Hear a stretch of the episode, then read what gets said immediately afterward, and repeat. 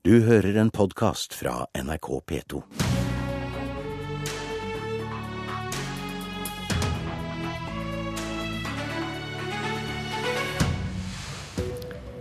LO sprer myter om den nye arbeidsmiljølova, mener NHO.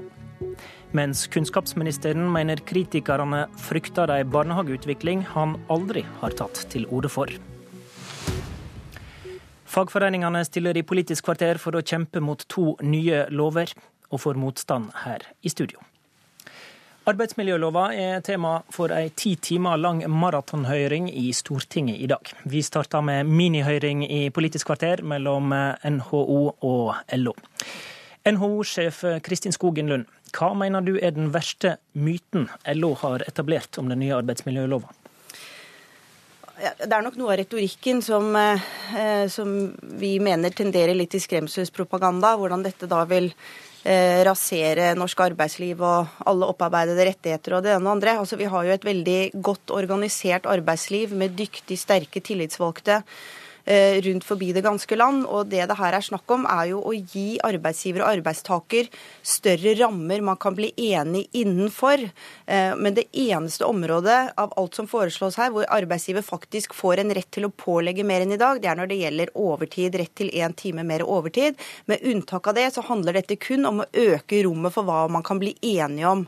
Altså ikke noe man kan pålegge, men rammene innenfor hva man kan diskutere. Og Det mener vi er positivt. Det er en ganske forsiktig endring av arbeidsmiljøloven, langt innenfor det som er fortsatt trygt og forsvarlig. Og vi mener at dette er nødvendig når, du, når vi vet at vi står innenfor ganske store omstillinger i norsk økonomi. LO-leder Gerd Kristiansen, dere bruker kanskje litt vel store ord om hvor ille dette skal bli? Nei, det syns jeg ikke vi gjør. Vi beskriver den virkeligheten vi ser ut ifra de forslagene som regjeringa har lagt fram. Og så er det jo sånn at vi har forskjellige roller. Jeg sitter og ivaretar arbeidstakerinteresser, mens Kristin Skogen Lund ivaretar arbeidsgivers interesser. Og det er, vel, ja, men det er ikke tvil om at disse endringene i arbeidsmiljøloven de går utover enkeltarbeidstakere. Hva frykter du mest, da? Det jeg frykter aller mest, det er dette med midlertidige tilsettinger. Vi har syv-åtte 8 midlertidighet i, eh, i, Norge i dag. Eh, litt forskjellig innenfor forskjellige sektorer, selvfølgelig. Men, men, vi er redd for at dette er noe som arbeidsgiver vil bruke for alt det er verdt. Er det et mål med flere midlertidige, Skogen Lund? Nei, absolutt ikke. Og der igjen, da, når vi snakker om dette med myter, så er det jo sånn Nå får jeg snakke for det private næringsliv, men der er jo de ansatte den viktigste konkurransefaktoren og fordelen til bedriftene. Og det er en kamp om arbeidskraften eh, i de aller fleste stillinger. Og bedriftene ønsker jo fast ansatte, for dette er en styrke for bedriftene.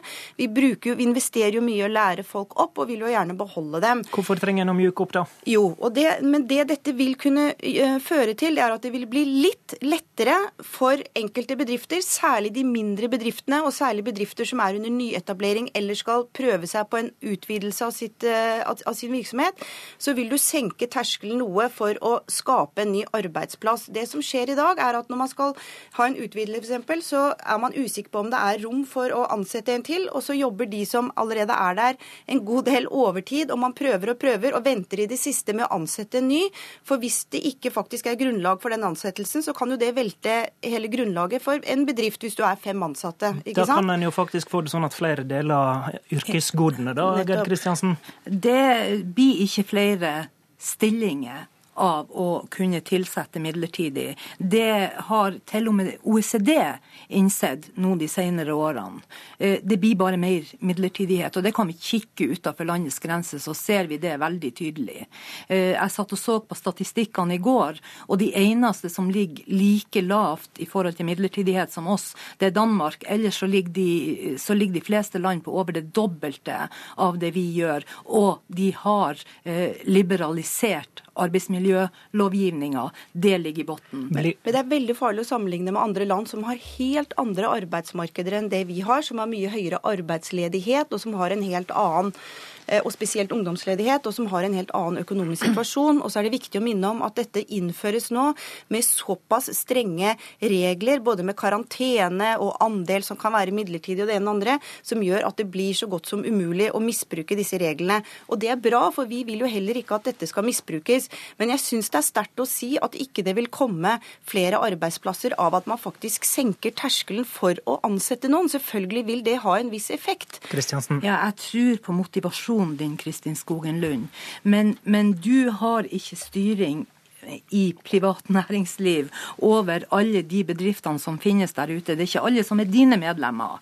Jeg tror at de som er seriøse og skjønner viktigheten av faste ansettelser på arbeidsplassen. Jeg tror nok at de vil fortsette å ha faste ansettelser. Men det er så mange, mange der ute som ikke vil det. Og hadde vi satt oss ned og diskutert dette, så kunne vi ha funnet tiltak som hadde gjort det enklere innenfor enkeltområder som vi snakker om. Lunde, i radioen i dag har vi hørt Unio-leder Folkestad som tror særlig unge kvinner vil bli midlertidige, og spør om hva som da skjer med det med å stifte familie og få barn.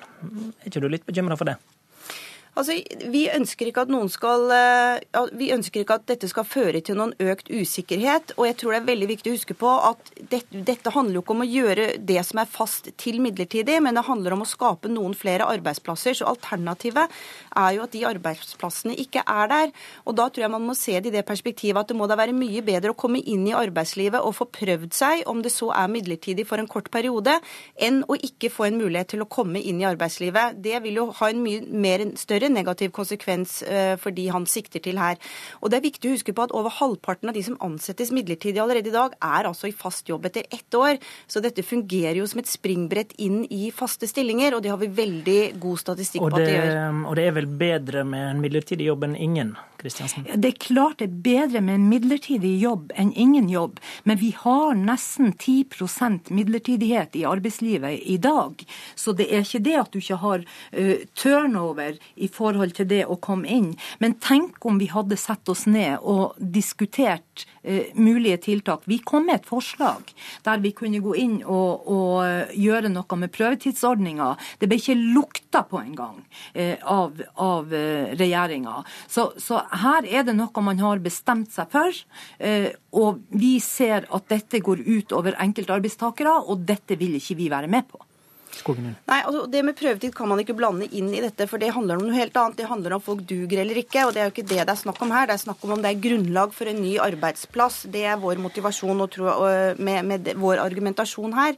Eh, så jeg, jeg, mener igjen at dere blander sammen ting som ikke, som ikke hører hjemme, og som, eh, og, og som, egentlig bare villeder det debatten handler om. Og vi kan ikke eh, argumentere ut ifra at noen i norsk arbeidsliv ikke er seriøse. Det er de dessverre. Det, det, det er riktig, men de vil jo ikke følge lover og regler uansett. Ja, det, det, og det vi må gjøre, er å sørge for at det blir lettere å skape ja, nye arbeidsplasser i Norge.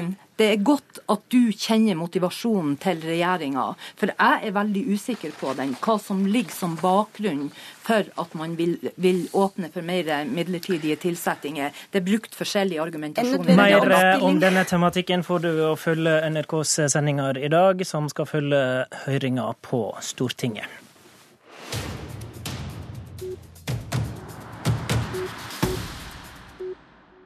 Kunnskapsministerens forslag til ny barnehagelov skaper eh, reaksjoner. Eh, kritikerne i høringsrunden mener den nye lova i praksis åpner for massekartlegging av eh, små barn i norske barnehager. Årsaken til frykta er at ansvaret for dokumentasjon og vurdering blir lagt til barnehageeieren, enten dette nå er privateier eller en kommune. Steffen Handal, nestleder i Utdanningsforbundet. Hva er logikken i at det skal bli massekartlegging, bare fordi ansvaret for dette blir lagt eh, hos de som eier barnehagen? Nei, Det ser vi allerede i dagens eh, praksis, at eh, selv om det egentlig er barnehagelærerne og styrerne som skal avgjøre i dag, så ser vi kommuner som tiltar seg retten til å pålegge barnehagelærere og barnehager å kartlegge barna med et visst verktøy. Det ser vi i Bergen f.eks.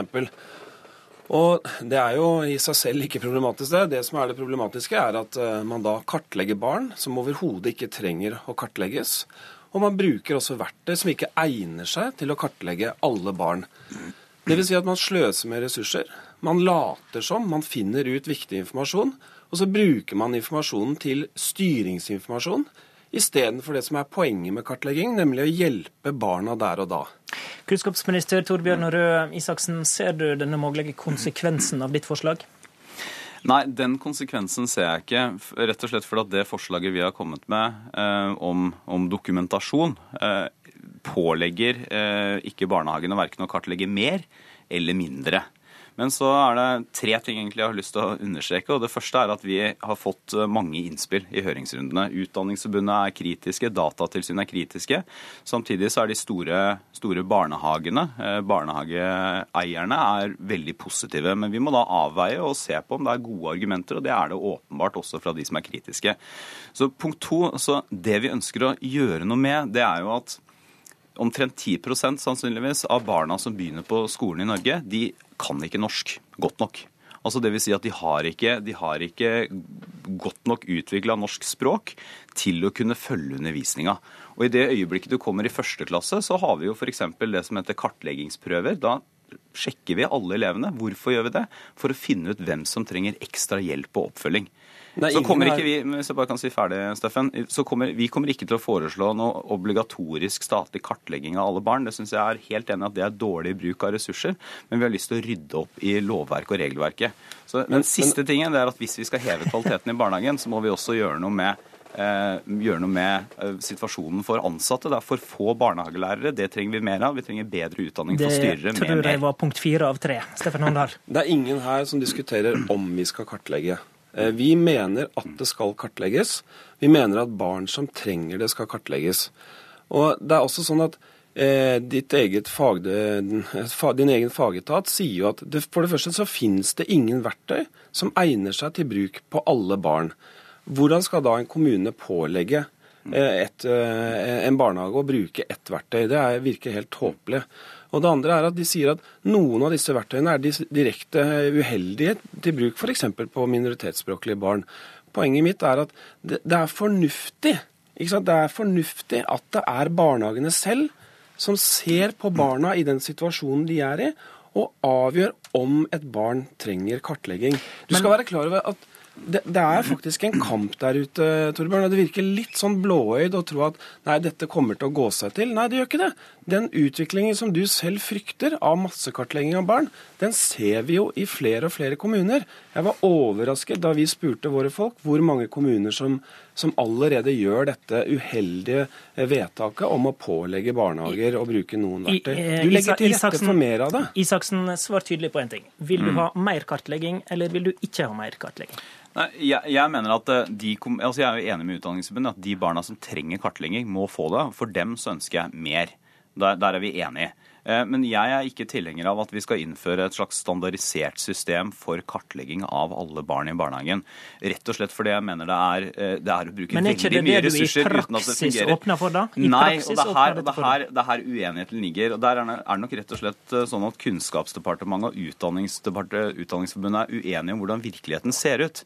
Vi, vi, vi, sier, og det står veldig klart også i høringsuttalelsen, at det vi har foreslått nå, vil verken føre til mer eller mindre kartlegging i seg selv. Men det det innebærer, og det er helt riktig, det er at det er lov for kommunene å si at de skal ha kartleggingsverktøy i sin kommune. Dagens, er... dagens rettssituasjon er helt grei. Det er du som vil endre på den.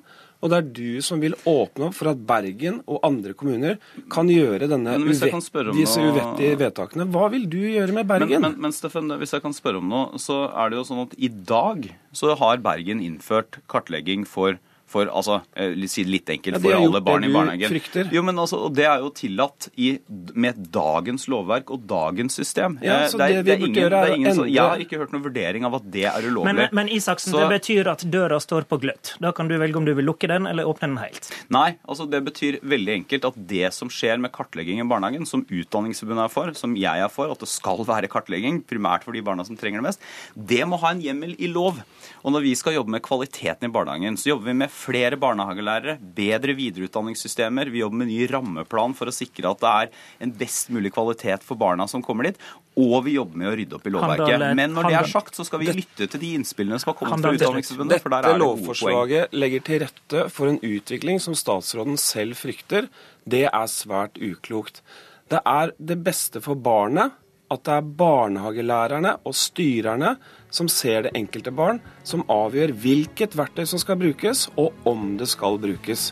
Noe annet det vil være å irritere. Det vil være å, eh, å skape uheldige situasjoner der ute. Striden om barnehagelova er ikke over, men Politisk kvarter er over. I studio, Håvard Grønli. Du har hørt en podkast fra NRK P2.